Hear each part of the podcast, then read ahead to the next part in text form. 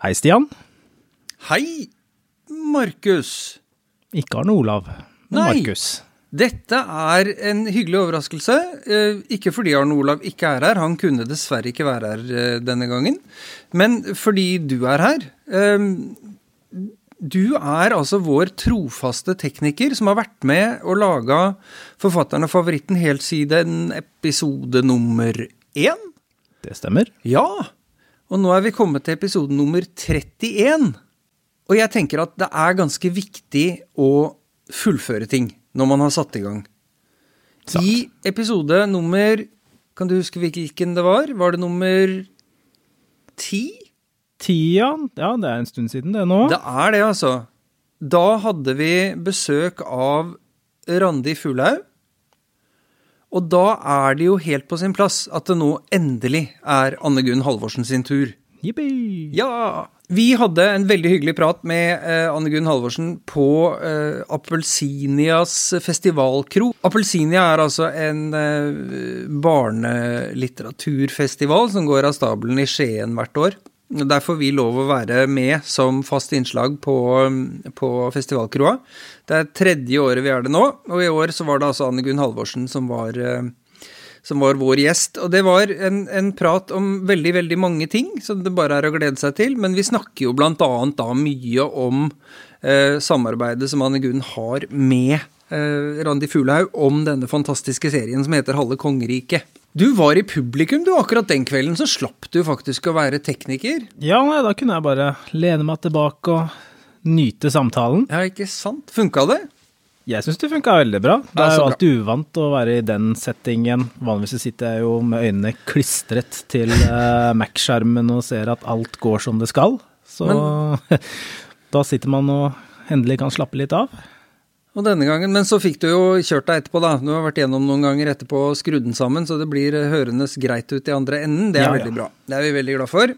Eh, vi skal si et par små faktiske ting om denne episoden før vi snurrer den i gang. Det første er jo da at da vi spilte den inn, så hadde ikke Hoffnarren, altså Halve kongeriket bok nummer sju, kommet ut. Det har den nå. Så nå er det bare én bok igjen. Og så skal vi si en ting til. Det er snart jul, og vi tar oss lang juleferie i år. Sånn at forfatteren og favoritten er ikke tilbake før i februar 2024. Da kommer vi tilbake med en ny episode. Og jeg skal ikke si noe om hvem vi skal ha som gjest da, men jeg kan love at det blir eh, ganske kule greier. Jeg gleder meg i hvert fall Jeg gleder meg veldig til den episoden. Det gjør jeg også. Ja, ikke sant. Det er det grunn til. Ja. Eh, men ikke til forkleinelse for den vi skal rulle i gang nå, for den er Jeg, jeg storkoste meg i samtale med Anne Gunn Halvorsen, så jeg, jeg gleder meg nå til å dele den med alle dere der ute. Så litt lytt i vei, og så i, får vi bare si god jul og godt nyttår! God jul! Altså Det er jo det triangelet Olivia Rodrigo synger om. Altså Det er det du ser i sex og singelliv. Det er alt. Eh, det er livet. Eh, selvfølgelig fortalt på mesterlig vis. Også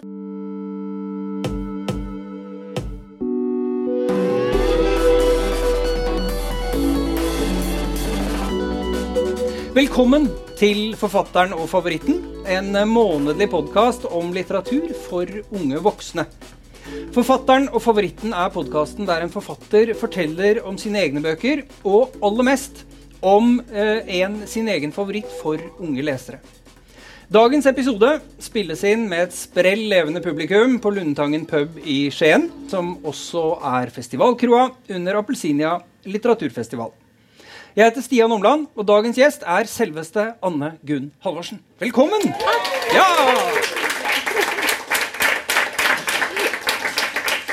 Tusen takk.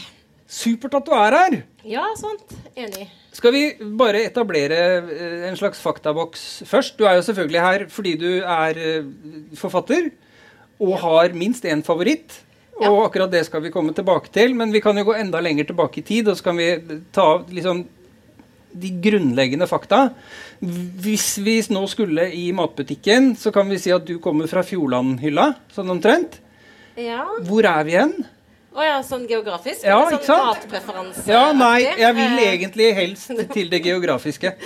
Ja, geografisk så er jeg jo fra Fjord, ja. Eh, Vindafjord, eh, helt bestemt, i Rogaland. Vikedal heter min heimbygd. Og nå bor jeg i Oslo. Og det har jeg gjort i 21 år. Ikke 20 år har jeg gjort det. Og så er du Hvor gammel sånn rundt regna? Det ble jeg litt sånn stressa for, for jeg skjønte at du kom til å spørre meg om det. Altså, jeg måtte tenke raskt. Jeg er 38 og et halvt. Det fyller snart 39. Jeg er helt enig i det. I tilfelle, Hvis du var Ja. urolig for Ja. at jeg nå skulle slå beina under den teorien, så Ja, er jeg helt enig i det. det ja. har ja, jeg har faktisk også det. Jeg har riktignok et spørsmålstegn, men jeg tror vi slår fast Ja, det nå. 38. Ja, ja. Nei, men det er veldig bra.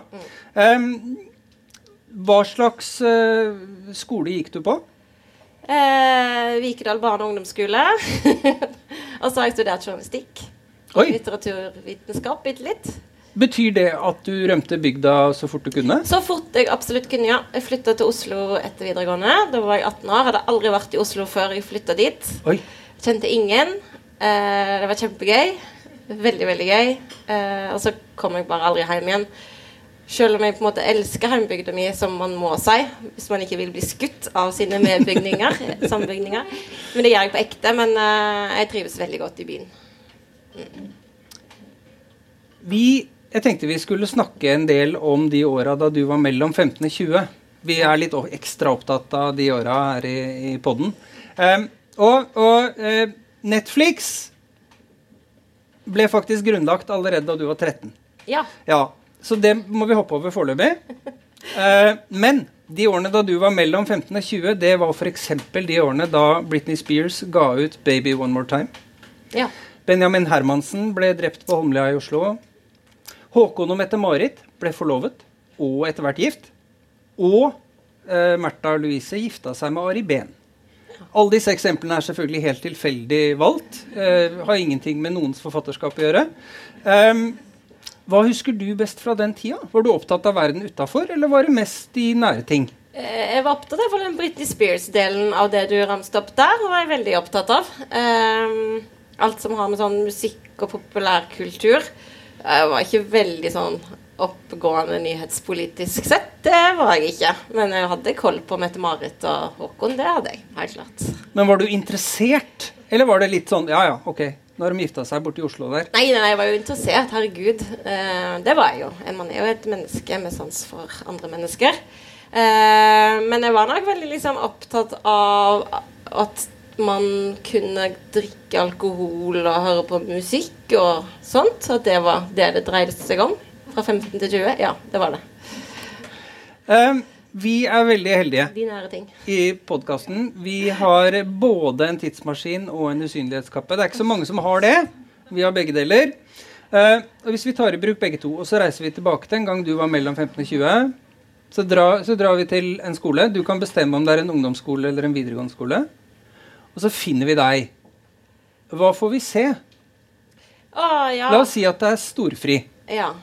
Um, da tror jeg vi må ta Ølen videregående skole, som er liksom den lokale videregående skolen.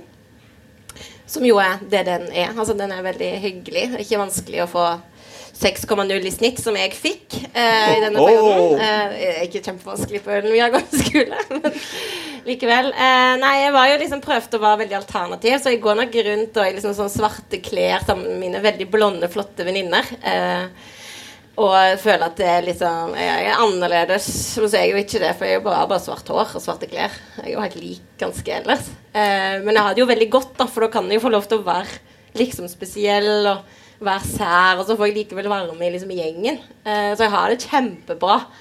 Eh, akkurat hvor bra jeg har det, skjønner jeg jo kanskje ikke sjøl før etterpå, for jeg vil jo bare vekk. Jeg har så lyst til å liksom oppleve bylivet. For jeg føler liksom, følte liksom at det foregikk en film der ute som jeg ikke fikk ta del i. Jeg hadde sånne, jeg bilder av liksom alt som skjedde, og som jeg gikk glipp av. Og det var veldig stressende, egentlig. Så jeg husker på grunn av at når du skulle søke videregående, da, så kunne du ikke søke utenfor fylket ditt. Eh, så hvis du ville gå på skole i f.eks. Bargen, som var min nærmeste store store by Jeg Stavanger ble for lite, Haugesund for lite og for nærme. Som var de som lå fysisk nærme. Så måtte du søke deg inn på privatskole. Så jeg var sånn Jeg var so close for å ende på sånn kristen På den Danielsen-skolen eh, i okay. Bergen, som er en sånn kristen skole. Som hadde vært helt sinnssykt for meg eh, i det livsfasen der. Men da tenkte jeg at da kunne jeg flytte til Bergen og bli kul og få masse kule venner som jeg sikkert ikke hadde fått. Eh, så ja, jeg er veldig glad for at jeg ikke endte der. Men det var liksom det jeg drev og tenkte på. Bare hvordan kan jeg komme meg unna denne, dette veldig hyggelige livet. det er jo ungdommen. Youth is wasted on the young. Hva dreiv du med? Eh, rånte en del. Gikk ut på byen, som ikke var en by, da. Eh, ølen eh, hang rundt. Hva gjør man på? Man Du hadde ikke noe fritidsaktiviteter, noe organisert? På videregående? Nei, hadde man nei. Jeg tror ikke Nei. det er Kanskje litt volleyball. Men alt var på så veldig veldig lavt nivå. For det var jo ingenting å gjøre. Nei, ikke sant? Eh, ja. var ingenting jeg fikk til, da. Var gjengen din stor, eller var dere noen få som var tette? Eh, vi var en gjeng på ni. Og det er vi egentlig fremdeles. Oi, Bare det at de er masse sammen mens jeg bor i Oslo alene. Så Ja. bor de fremdeles rundt ølen. så det er åtte stykker igjen? Ja, eller de gikk, reiste ut, og så kom de hjem. Ja. Uh, og eh, blitt veldig vellykka, flytta store, flotte hus. Fremdeles blonde og flotte, stort sett. Og mens jeg er fremdeles sånn Ja, nei, bor i Oslo klorer meg fast i tilværelsen og er annerledes. Uh, det er gøy, da. Du, du sa at du ikke egentlig visste hvor godt du hadde det. Eh, er det en sånn erkjennelse som er kommet over tid etterpå? Ja. Eller var det brått da du flytta, at du Nei, skjønte nei. at oi? Neida, nei, det har kommet etterpå òg fordi at jeg har skrevet dagbok.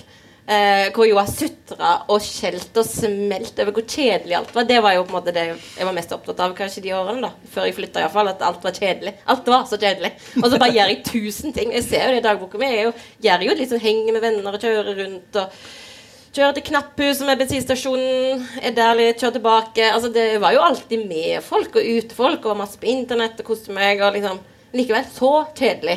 Eh, så det skjønner jeg jo egentlig først fordi jeg har dokumentasjon på liksom at det var veldig gøy.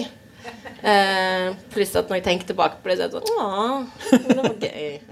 Følte, var, føltes det trygt? Var, det en, ja. var det gode rammer? Ja, Ja. litt i overkant, da. For jeg Ja, ville jo gjerne ja. ha det litt mer farlig og kult. Men eh, Å, gud, det var Men helt topp eh, i retrospekt. Hva hvis vi nå et øyeblikk forestiller oss at du, at du tar av deg den usynlighetskappa, så går du bort og så prikker du deg sjøl på skuldra og sier hei, framtida er her. Eh, hadde du hatt noe å si til deg selv? Ja, jeg ville kanskje sagt at jeg ikke hadde så dårlig tid som jeg følte at jeg hadde. Eh, for det har jeg alltid følt, sånn cirka fram til nå. At det liksom Det er bare om å gjøre å få seg en jobb, og om å gjøre å få seg et barn, og om å gjøre å kjøpe seg en plass å bo, og om å gjøre å kjøpe neste plass å bo, for ellers så går prisen opp. Altså det er veldig sånn uff, race, da. Og jeg har hatt det veldig gøy i det racet, men det er jo bare tull. Man trenger jo ikke det. det jo, man har jo kjempegod tid. Så du har ikke egentlig tatt ditt eget råd ennå? Eh, jo, nå Nå bryr jeg meg ikke så mye om noe, egentlig. Nei, men eh, ja. Nei, jo, nei, nå føler jeg at jeg prediker det iallfall en del da, for andre. At, Husk at du har god tid. Ja, er det blitt mer sånn at nå er det den neste boka, den neste boka, den neste boka?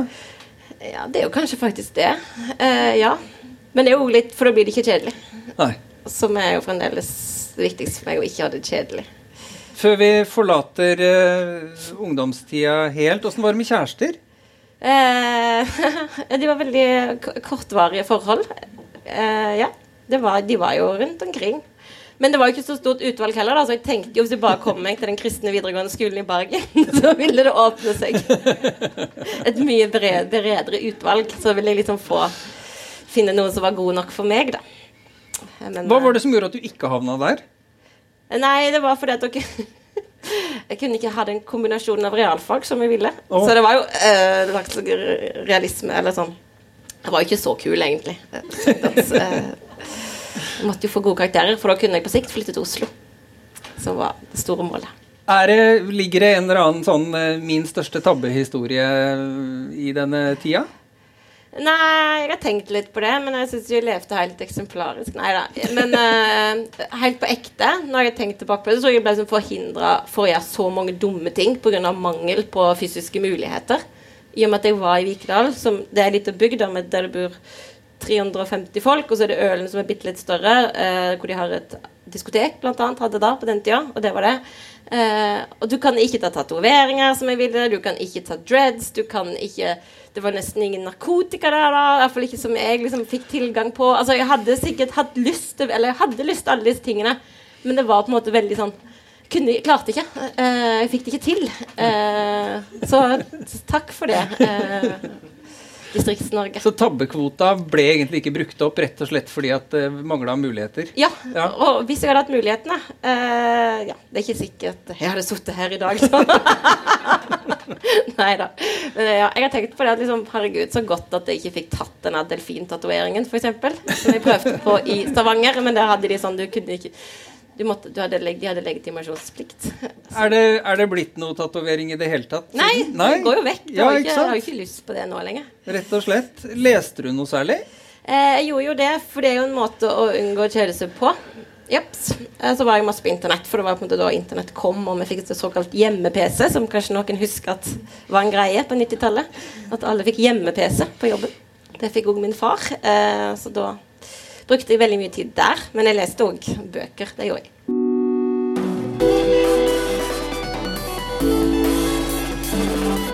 Vi skal jo snakke mer om, om ting du leste og, og hva du likte og sånn, men hadde du noe slags hvor, hvor, hvor fikk du de bøkene du leste fra? Hvem var det som eh, anbefalte?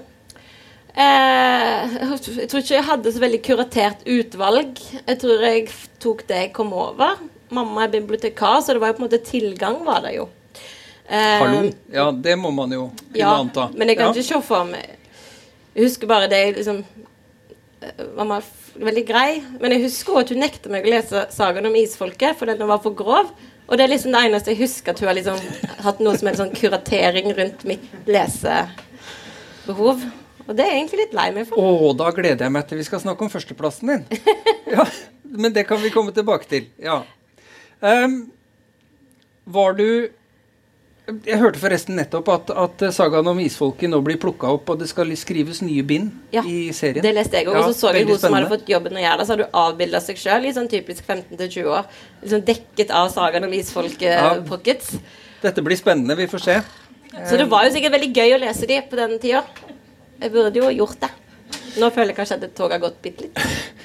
Du fortalte at det ble journalistutdanning, Ja. og så ble det jo vel helt sikkert da journalistjobbing. ja. Eh, hvor på underveis her sånn går opp for deg at du kanskje har en forfatter i magen òg? Eh, Det hadde jeg egentlig alltid lyst til å være. Jeg hadde lyst til å, eh, For jeg husker det var sånne saker om at liksom Se på denne forfatteren, hun er bare 19 år og har gitt ut en bok. Kanskje 18.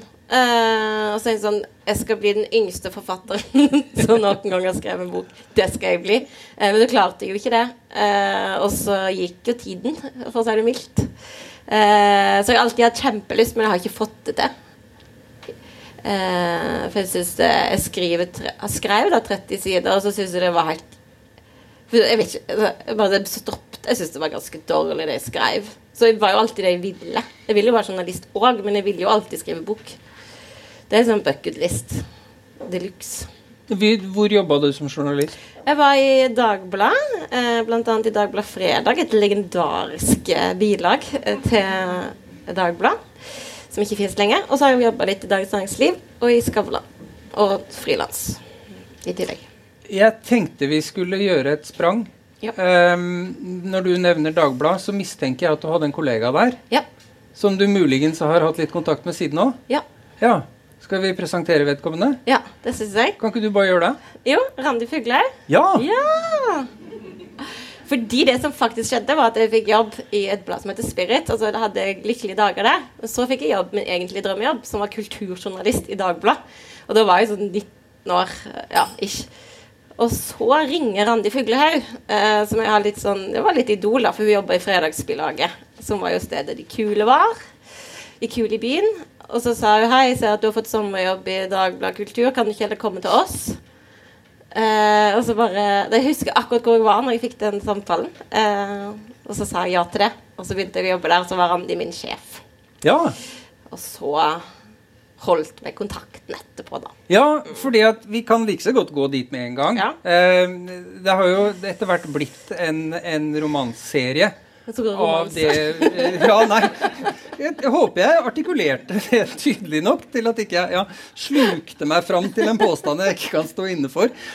For, for de av dere som nå bare hører dette som podkast, kan vi nå avsløre at vi sitter og ser ned på Randi Fuglaug, som sitter rett foran oss her. Eh, understreke det da at vi snakker om en romanserie, ja, Mm, ja, eh, er det. som dere dro i gang i 2020. Ja. Kan ikke du fortelle om den? Jo. Eh, det begynte egentlig i august 2019. Hvor vi satt på kjøkkenet til Randi og bare hadde det vi sjøl kalte en workshop. For vi hadde bare lyst til å finne på noe i lag. Egentlig lage en TV-serie. Og så drev vi liksom og drodla sånn her hva skal vi gjøre? Men kan vi liksom bare skrive noe som bare er gøy? Liksom en sånn Men var det helt åpent? Eh, Det var helt åpent. Kunne handle om hva som helst? Eh, Absolutt. Dinosaurfilm var liksom aktuelt som alternativ Eh, ja, her? Hvis vi hadde likt det, så hadde vi sagt det. Men Ja. det vi begge likte, var jo eller, tanken på å lage noe helt sånn corny, sukkersøtt, rosa tøys og tull. da En underholdningsserie. Eh, den boka vi sjøl hadde elska når vi var 16 år, var liksom det vi fort landa på. Hadde vært gøy å Betyr det at ungdom som en, et slags publikum allerede der var på plass? Og fordi at vi liksom følte kanskje at det gis jo ut veldig mange gode ungdomsbøker i Norge, heldigvis. Men det er jo veldig mye sånn alvor i de. Eh, og vi tenkte kanskje at det finnes et rom for det som ikke først og fremst er alvor, men kanskje først og fremst underholdende. Og at vi kanskje kunne klare å skrive noe som eh, kunne slukes på samme måte som en TV-serie. Det, det er jo en stor challenge, det. eh, å rette seg mot ungdom og prøve på noe som ja, som kan konkurrere med serie. Eh, men det var en idé som jeg Ja, det, det bare Den bare satt. Det var som når du sitter på nachspiel og snakker sammen, og så bare Ja, det må vi gjøre! Vi må starte en kafé! Det er kjempegod idé. Eh, men så neste dag så, så bare syntes vi fremdeles det var en god idé. Og på den dagen da så fant Men vi hva liksom- var ja. selve ideen? Ideen var eh, å skrive en underholdningsbok for ungdom eh, om en fiktiv kongefamilie. Ja. Eh, som eh, baserer seg litt på liksom, ting som har skjedd i virkeligheten, som er veldig veldig samtidig, som foregår i vår tid. Eh, og i denne eh, boka så skulle handle om en kronprins på 16 år og hans tvillingsøster eh, Margrethe. Prinsesse Margrethe og kronprins Kalle er på en måte hovedpersonene. Og eneste grunn til at han er kronprins, er at det er fem minutter mellom Ja, dem? For jeg er jo ikke kronprinstypen, da, vet du. Han er jo helt gæren. Eh, og så kommer det en, en enkel jente fra landet, eh, Lena, som flytter inn uh, til Oslo. Det er et motiv vi kan kjenne oss igjen i. Uh, og uh, blir da mot alle odds forelska i kronprinsen, og motsatt. Og så er det da ideen er som, og Da lagde vi hele handlinga, eller lagde en plan for handlinga den dagen vi satt på det kjøkkenet. Og så skal de da ja, Så forelsker de seg, og så har Lena noe bagasje med seg fra den, det ville distriktet hun kommer fra. Hun kommer fra Horten. Ja.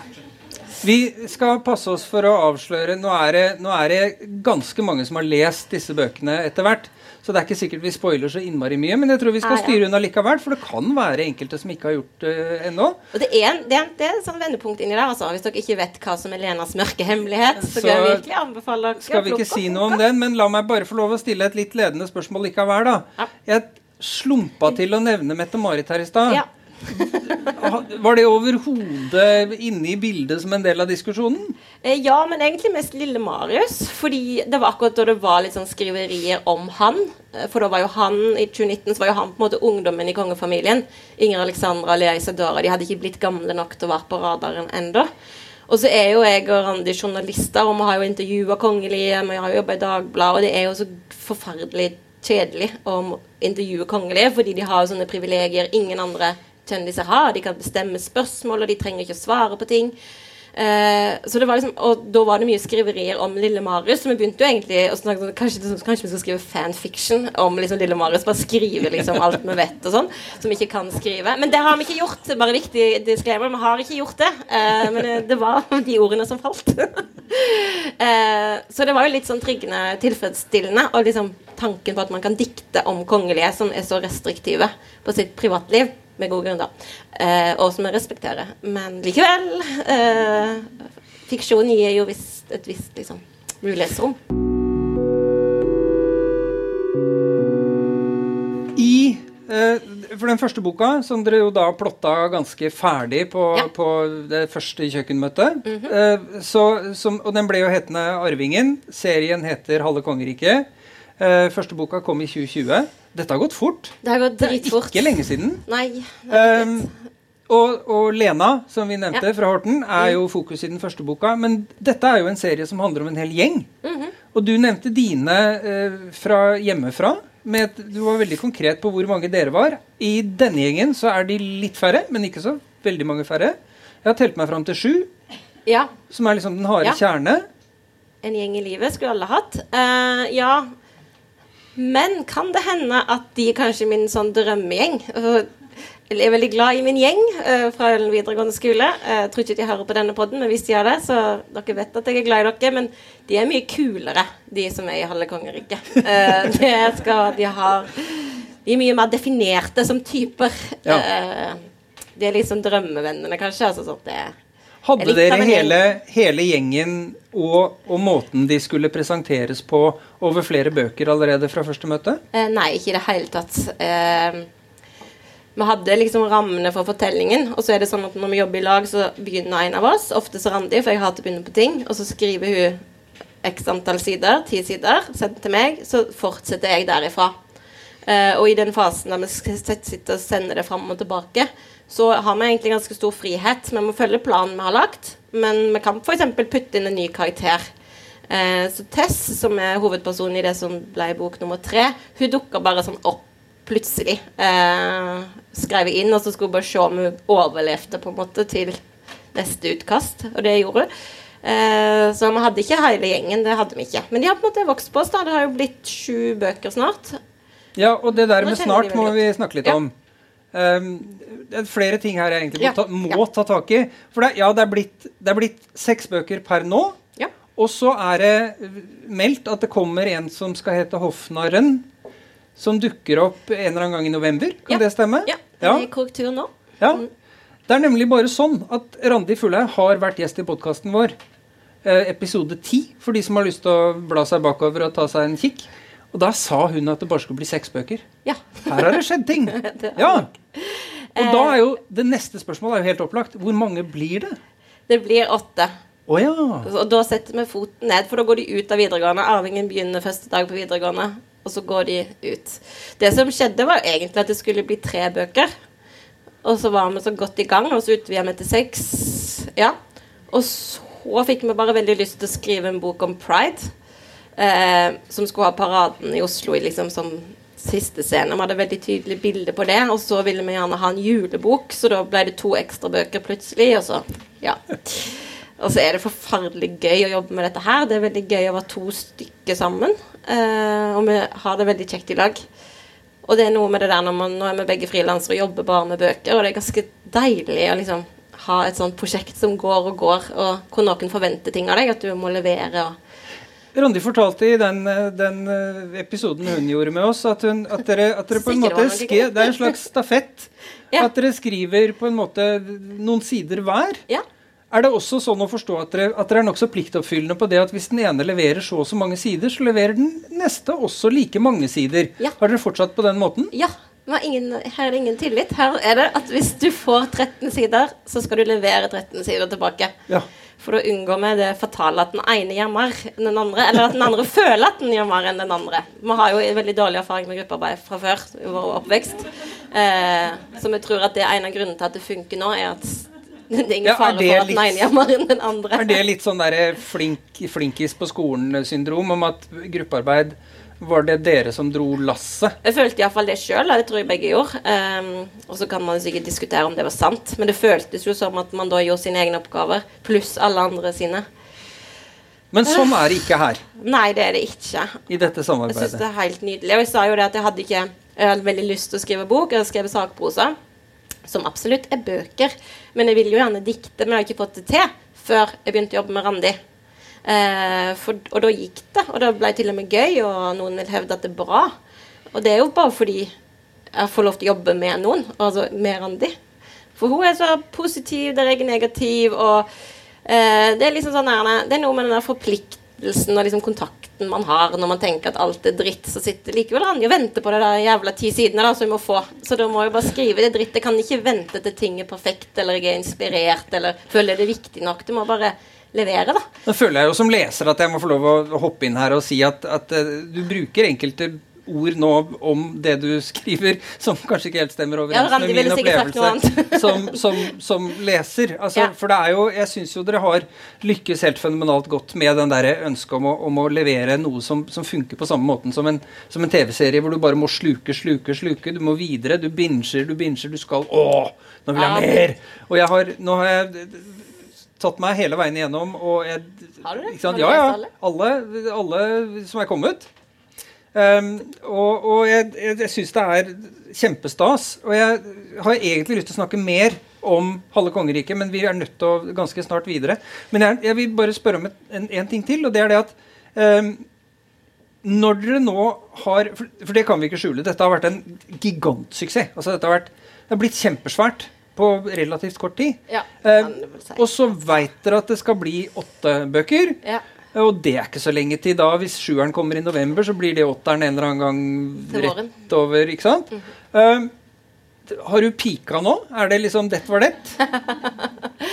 Ja, det vil jo jeg tro, for jeg er jo litt sånn negativt innstilt av natur. Eh, så jeg tror ikke jeg skal forvente noe marr i livet, nei.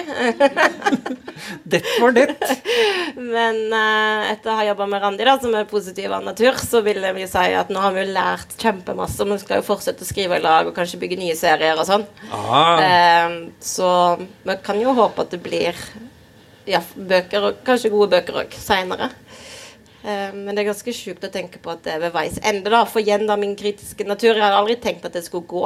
Eh, jeg tenkte jo at vi ikke kom til å klare det, men nå ser det ut som det går. Det må jeg si. Det er bare i boken. ja, det, det, altså, det skal godt gjøres av trynet nå. Jeg syns Ja, jeg vil absolutt si det er mulig, da. Men eh, ja, en av oss igjen, da vi har et gruppearbeid, så en, hvis en av oss dør, som jeg jo jevn- jevnlig tror at man kan gjøre, så, så vil jo en av oss klare det sikkert. Noe. Skrape sammen noe etter bok nummer åtte. Fullføre serien. Ja, kan vi ikke begynne med å krysse fingra for at ingen av dere dør, og så Nei, ja, heller ta skal vi- den der eventualiteten uh, Ja, sant? Det er derfor såkalt- jeg må være Ja. i lag med Randi, som er positiv, for ellers Ja, så blir det sånn jeg tror ikke dette går bra. En bitte liten ting til. Eh, jeg sleiva meg borti Netflix her i stad. Ja. Var det å få den telefonen, eller hvordan det skjedde, at eh, Netflix eh, kunne tenke seg å lage film av eh, bøkene deres? Ja, det var kjempestas. Selvfølgelig var det det. Det var jo faktisk flere som ville lage film av Arvingen før han var ute òg. Eh, så vi kunne jo faktisk velge. Eh, men når Netflix kom på banen, så var jo det et veldig enkelt valg av flere grunner. De er jo globale, så når de, lag, når de valgte å lage film av Arvingen, så fullfinansierer det. Som vil si at de bare går rett i gang med produksjon. Og så slipper de det over hele landet. Nei, hele landet faktisk, ja, de. Hele verden. Eh, og dubber det til masse språk, og det er 220 millioner mennesker som sitter og ser på denne historien med dikter på kjøkkenet til Randi. Så det er jo helt surrealistisk. Um, og bøkene har jo blitt solgt til utlandet, så vi får jo masse henvendelser fra folk som leser på spansk. Og, nei, det er veldig, det er veldig rart. Eh, veldig, veldig gøy. Eh, ja.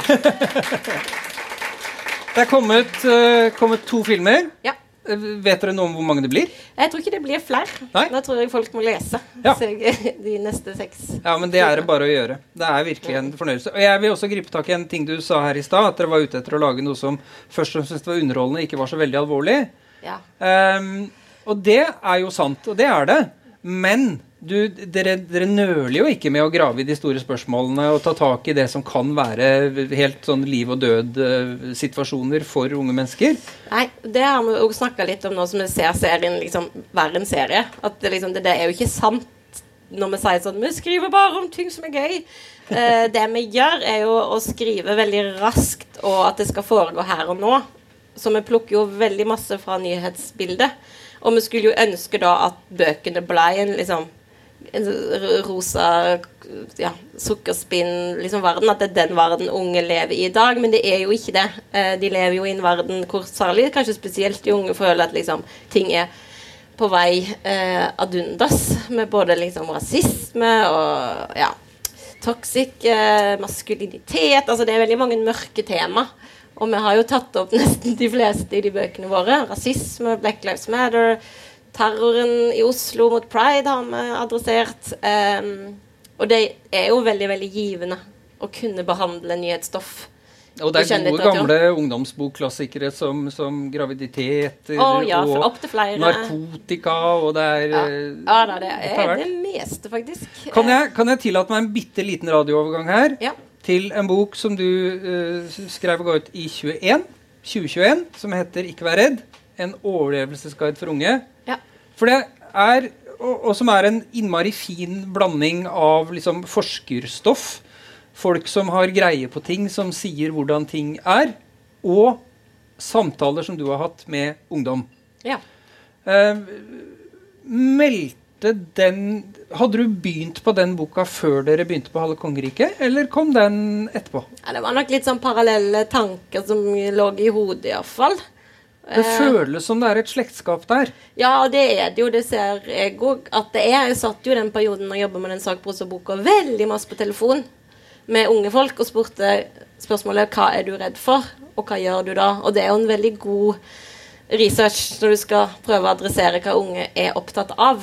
Um, men inspirasjonen direkte til den boka kom fra uh, når det var sånne skolestreik mot klima um, foran Stortinget. Og jeg satt på kontoret mitt og hørte at det var demonstrasjoner, og bare så alle disse unge folka som demonstrerte for uh, for eller mot klima. For, altså mot, for tiltak mot klimaendringer. Og så har de akkurat skrevet en bok om stress for voksne, en sakprosabok, og lært der at når du er redd, så blir framtidsutsiktene dine helt fucka. Altså når du er stressa og urolig for framtida, så slutter du å tro på at en framtid fins, da. Uh, og så tenkte jeg alle disse unge folka, hvis de går rundt og er så redde når de er 16-17 år, så er jo det helt det er jo helt krise, liksom, hvis ikke de kan forestille seg at de kan ha det bra i framtida. At de må kanskje velge noe fornuftig, at de ikke har reell valgfrihet. da, At de ikke har den naiviteten som man kanskje kunne unne seg i min ungdomstid. da, Hvor man bare kunne liksom være opptatt av seg sjøl. Eh, så da begynte jeg å liksom jobbe med den tematikken da, som har den litt ekle tittelen 'Ikke vær redd', heter den boka. Så er jeg fram og tilbake om jeg skulle beholde den. For det, det, er jo det jeg vil si. Bare 'ikke vær redd, det kommer til å gå bra'. Det vet vi jo ingenting om, men ikke vær redd. Eh, men jeg beholdt jo den. Men selve boka er jo i aller høyeste grad basert på som du sa, forskning og ungdommenes, ungdommenes egne vitnesbyrd om hva de er redde for. Og så er jeg veldig veldig glad i statistikk og liksom hva, hva man uh, bør være redd for. Som jo slett ikke er de tingene man er redd for. Og hva som sånn fakta, hva som skjer i kroppen når du er redd, hva slags tankefeil du kan gjøre. Uh, for jeg tenker at så lenge du vet alt det der, så blir du kanskje faktisk mindre redd. Eller du klarer i hvert fall holde deg litt mer rasjonell til frykten din, da. Og, ja. Så det er mye frykt i halve kongeriket òg. Det er det jo absolutt.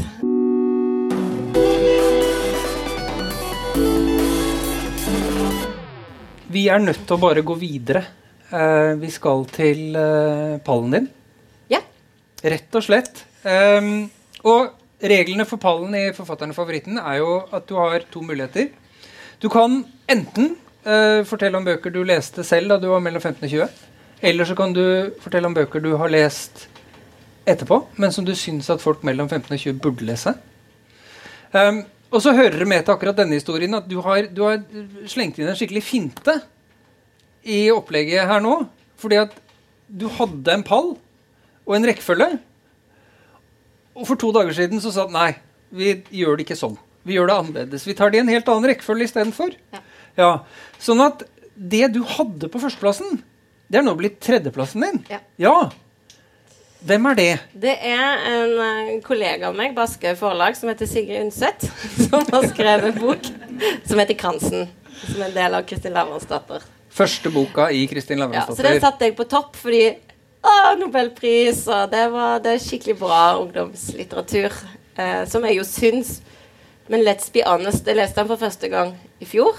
Jeg tror veldig mange unge folk knekker nakken på de to første sidene når du skal gjennom hele ettertavla. Eh, og det er forferdelig synd. Sigrid Undset, at du ikke klarte en mer catchy åpning. Eh, hvor var redaktøren din?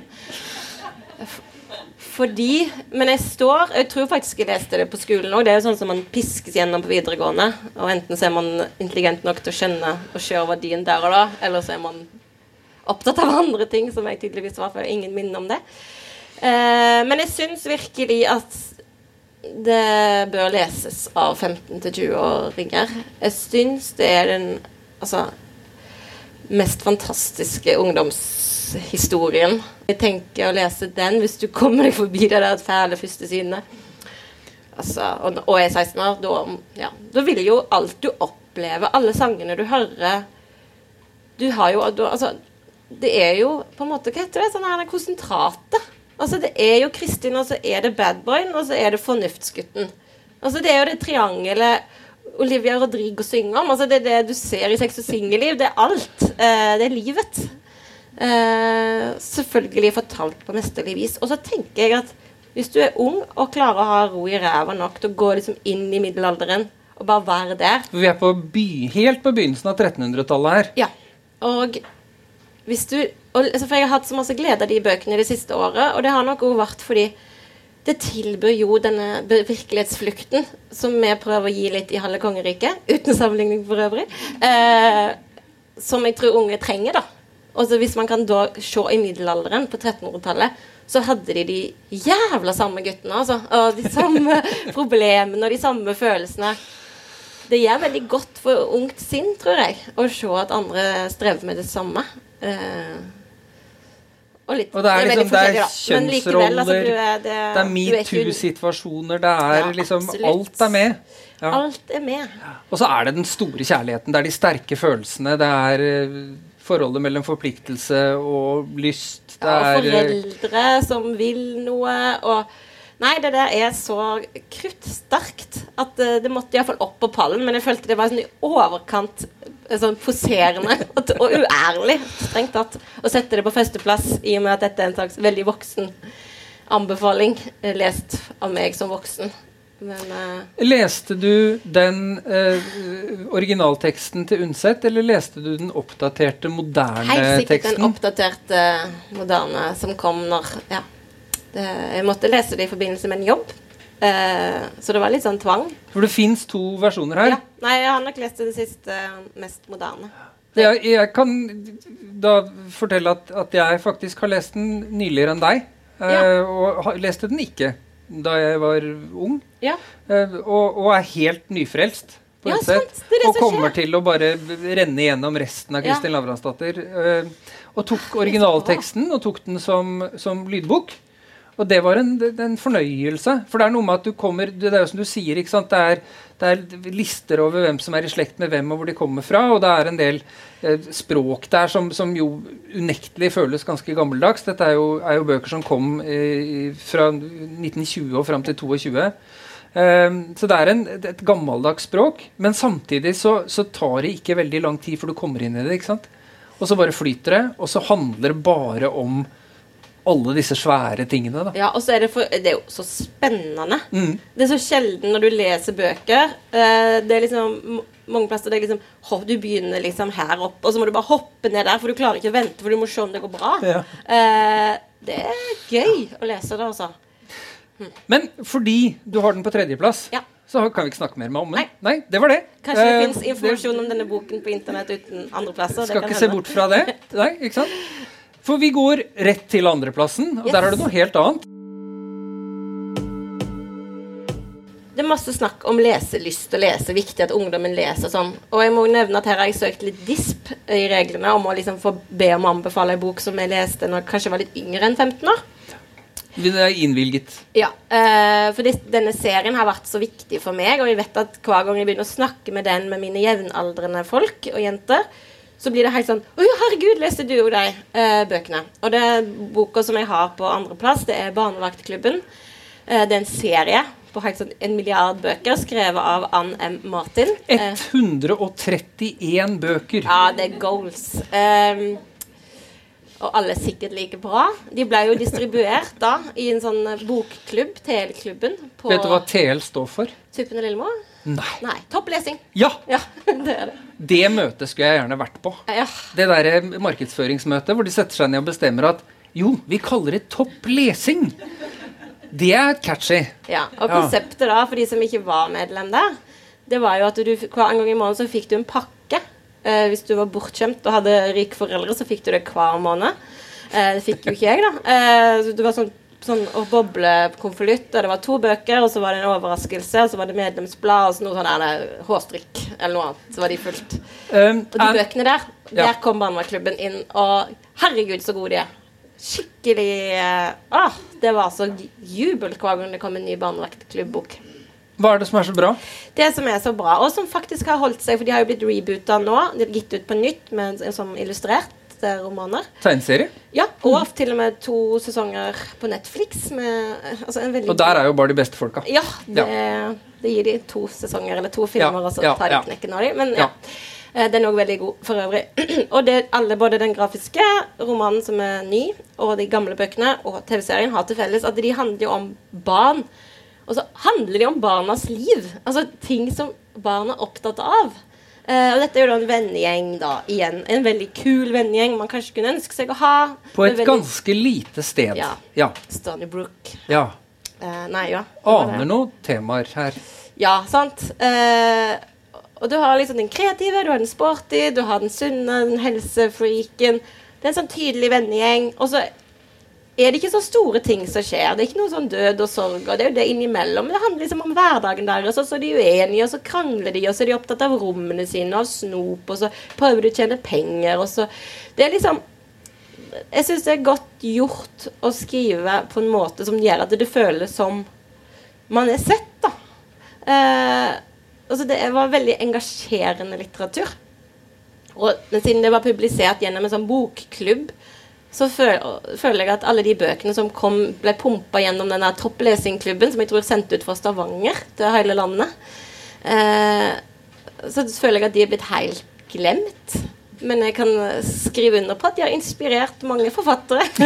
Virkelig. Vennegjeng. eh, Er det sånn at hver bok har fokus på forskjellige figurer? Ja, det har de. Ja. Ny Eh, nå snakket vi vel ikke om det da vi snakket om halve kongeriket, men det er vel ikke uh, til å komme fra at dere bruker litt samme grepet der? Ja.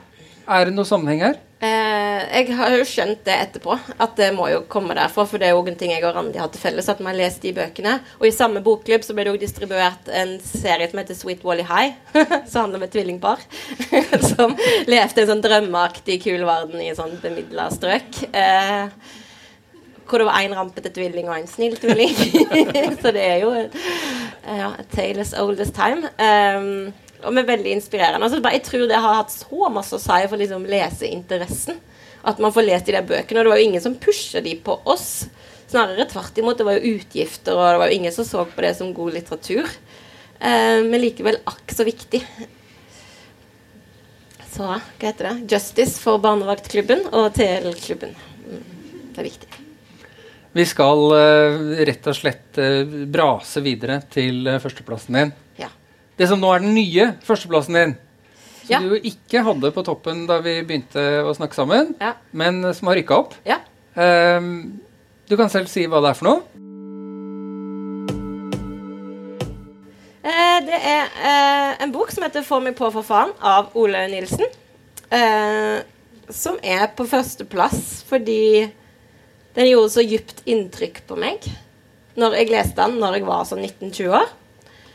Fordi nå har vi hatt snakket om liksom stor sånn Sigrid Undset-opplegg med sånn da, verdens, ekte verdenslitteratur. Eh, universelle temaer som er veldig vanskelig tilgjengelig. Og så har du Barnevaktklubben, som er veldig tilgjengelig, eh, men samtidig så veldig engasjerende og sånn.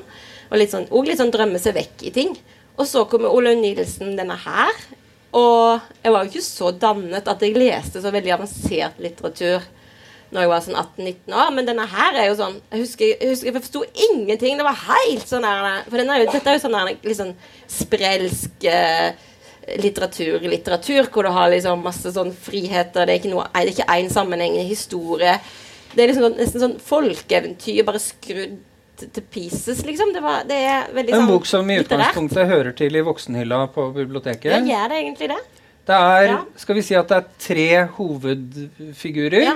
og så et ganske rikholdig birollegalleri. Ja.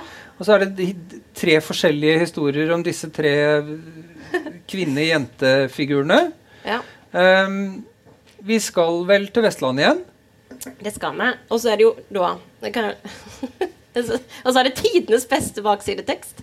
Men Alma får sin seksuelle oppvåkning når Arthur er borti henne med pikken. Så. solgt. Solgt. Uh, ja, det handler jo da om en ung jente uh, som får sin seksuelle oppvåkning når uh, han er borti henne med pikken. Uh, mer, jeg vet ikke om det er med vilje engang. Nei, det, en det er veldig student. uklart i Ja. fortellingen. Om Så er det det en er sånn eller frustrert sånn. student som liksom ønsker noe mer enn å være vaskehjelp. Og så er det jo da personen som heter kona til Sebjørn, som er en sånn dame. Som vi aldri får vite hva heter. har ikke noe navn. Nei. Eh, som òg ønsker noe mer. Alle vil jo, Titlene er jo 'Få meg på', for faen, så de har et veldig sånn driv til liksom De drømmer om å komme på på Vestlandsrevyen spesielt, da, siden dette foregår sikkert sånn, ja, rundt Bergen. Og én ting er jo liksom lese bøker som liksom Å, virkelighetsflukt, og her er de kule gjengene og sånn.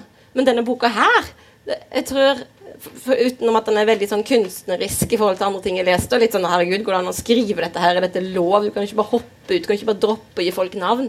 Som var veldig sånn øyeåpnende og liksom morsomt.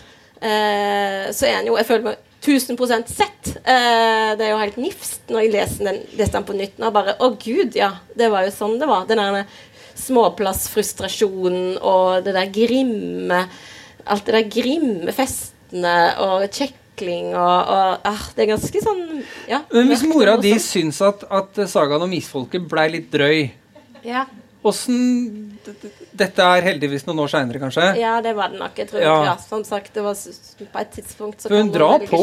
Det er ikke Herregud, det var masse verre enn jeg hadde husket det som òg. Eh, anbefaler å lese. Jeg kan ikke lese det høyt. Eh, det aldersgrense. Det er det drøyeste eh, seksuelle beskrivningene i denne boka. Men det er jo, men det er jo så drøyt at det blir sånn Det er jo god humor. Ja, ja. Det er Eh, veldig morsomt. det er veldig gøy. Det er veldig morsomt, og så er det jo veldig sånn godt gjort. Altså sånn, Det er en bok som har holdt seg fantastisk. Um, ja. For det er, en, er det lov å si at, at det er en bok som, som, som handler om å ville bli sett, Ja. men også å ville bety noe. ja. Ikke sant? At, at det er ikke nok å bare gå og være. Man vil på et eller annet vis ut over sine egne grenser, sånn at andre både ser deg, men også føler at du virkelig har liksom bidratt med noe. ja. Har gjort en forskjell på Ja. noe vis. Og så er det jo morsomt. Altså, ja. Bruken av humor her er jo så fantastisk god, og det er altfor sjelden i samtidslitteratur at det er morsomme bøker som ikke bare liksom er morsomme og morsomme, men her er det jo sånn De er jo komiske skapninger, disse her som vil bli sett, for de har jo veldig så, mange tilkortkommenheter. Eh, og det klarer jo å gjøre på en måte der man, samt, man har sympati med personen. Eh, alle personene eh, samtidig, som òg er veldig godt gjort. Og så er det så masse sånn det er så masse sprelske grep. Plutselig så er det bare sånn side med masse bokstaver, og kursiven Bruken er helt superliberal. Og helt sånn Wow, er dette lov igjen, da? Eh, så jeg syns det er mod, veldig modig gjort. Uh, og det er sånn fascinerende og inspirerende at du kan være så trygg i seg sjøl og bare skrive en sånn helt unhinged roman uh, som dette er. Og veldig sånn Ja. Jeg eh, fant på, på internettet Ja. så fant jeg en, en, et, sitat eh, hvor du nevnte Spirit, Ja. som du skrev for. Og der fant jeg faktisk en, et sitat hvor det står det er en original håndtering av et viktig og hett tema. Høstens kuleste bok. Hva skrev William? Det skrev du om uh, denne boka eh, i Spirit. Det Ja. er nemlig Anne Gunn Halvorsen som har skylda for dette. Du ga den en femmer på terningen. Eh, har du lyst, er det, Står den femmeren, eller har du lyst til å, å jekke den opp eller ned? Den gikk jeg opp lett. Lett sekser. Ja, ikke sant? Men igjen, da, hjernen altså, Man blir jo litt klokere og klokere. Eh, så jeg forsto jo sikkert ikke hvor briljant denne boka var eh, når jeg leste den og anmeldte den. Hallo, tenk at jeg fikk lov til å anmelde. Ja, nei, det, altså, det, det, beviset fins Ja. der ute. ja, Ja, ja, ja, åpenbart. Eh, hvis ikke det var mulig å tracke ned ting man har skrevet i Spirit. Men. Dette er en, en bok som ble filmatisert noen år seinere, eh, 2011. Eh, og da konsentrerer de seg om historien til Alma. Den er yngste av de tre i, i boka. Eh, jeg så den selv nokså nylig. Hva tenkte du eh, Har du sett filmen? Det har jeg, men jeg, vet du hva? Eller så skrudde jeg bare av, for det er en sånn scene, jeg tror allerede det er i traileren, at du sitter inne i et busskur. Og det ble for sterkt for meg. bare, det er noe med Jeg orker ikke eh, og sitte inne i det buskeriet. Jeg har stått i så mange busker og venta på den før. bussen. Ja? Eh, så det, akkurat det der ble litt sånn litt too close to home. uh, å se det filmatisert. Pluss at uh, den er vel god, den filmen? Er den ikke det? Den er helt ålreit. Jeg syns det Ja. som er styrken til boka, er er ofte samhand samhandlinga mellom de tre figurene som boka handler om. Ja. Disse tre uh, jente-damene. Som, som, som på en måte utfyller hverandre i hvordan de forteller om noe ønsker og behov og noe greier. eh, som, som blir så sterkt. Og i det øyeblikk du peller vekk to av dem, og bare reduserer det til Alma, så forsvinner på en måte en del av fundamentet, synes jeg, i totalopplevelsen av, av det som er så sterkt i boka. Ja. Sånn at det er vel der, det var vel den innvendingen jeg hadde. At vi har gått på en måte glipp av en, en Det mangler to biter av Ja. tre. Ja, det, men det er jo litt synd, da, for jeg husker jo i anmeldelsene uh, av denne boka, så var det veldig fokus på denne jent, ungjenta. Den delen som handler om en ungjente som vil presse en vask opp i underlivet sitt. og jeg skjønner jo at man henger seg opp i en sånn skildring, men, men den er jo veldig mye mer enn det. Den er jo et sånt flettverk av kvinneskjebner i alle aldrer. Litt som Kristin Lavransdatter, faktisk. Går Gå gjennom hele livet Ja, med ønske om noe annet. Ehm, nei, uh, så det jo litt sånn skuff altså sånn, Det er jo en litt sånn kjip ting, da. At uh, man henger seg veldig opp i ungjentelivet. Både i anmeldelser og i Ja, for de to andre i denne fortellinga fortjener jo akkurat like mye oppmerksomhet. Ja, selv om det ikke er riktig så mye drøy sex Ja. i de to andre fortellingene her. Og så er det jo veldig gøy. Det er sånn sk skremmende å lese det. For den delen i midten så handler om den studenten som er vaskehjelp. Jeg har jo vært vaskehjelp sjøl. Og det er jo veldig sånn der, det er jo ikke rart det der gikk rett i hjernen på meg. For det er jo sånn detaljerte sånne hatskildringer av at du går rundt og vasker til andre. Som jeg jo har gjort, og som jeg, da har jeg tenkt akkurat det samme som hun tenker. Hvor jæklig det er, og hvor dumme folk er. Og, ja. Nei, det er rett og slett uh, skjellsettende litteratur. Ja, så bra. Eh, vil du anbefale den for, for folk også mellom 15 og 20? Ja, det vil jeg. De kommer til å få sjokk. Eh, uansett hvor mye sånn seksuelt eh, pornografisk innhold som er tilgjengelig på internett nå, som jeg har skjønt at det er. Eh, så dette her er jo ikke ting du leser i bøker om på den måten hun skriver det. Altså, det er jo, og det er jo så kult, for det er jo så morsomt. For bare dra det altså, Det er så drøyt at det tipper over, og så blir det bare helt sånn Det blir komikk, da. Eh, sånn sexkomikk, det er det lite av. Så det tror jeg unge folk har godt av. Eh, opptatt som de er av å være perfekte og redde for å gjøre feil. Eh, her er det mye, mange skjebner som trår feil. Olaug Nilsen, få meg på for faen. Yes. Virkelig en helt berusende, fremragende leseopplevelse. Um, og med det er vi faktisk i mål. Vi, jeg må vel få lov å si tusen takk til Anne Gunn Halvorsen for at du er med oss. Takk tusen, tusen takk.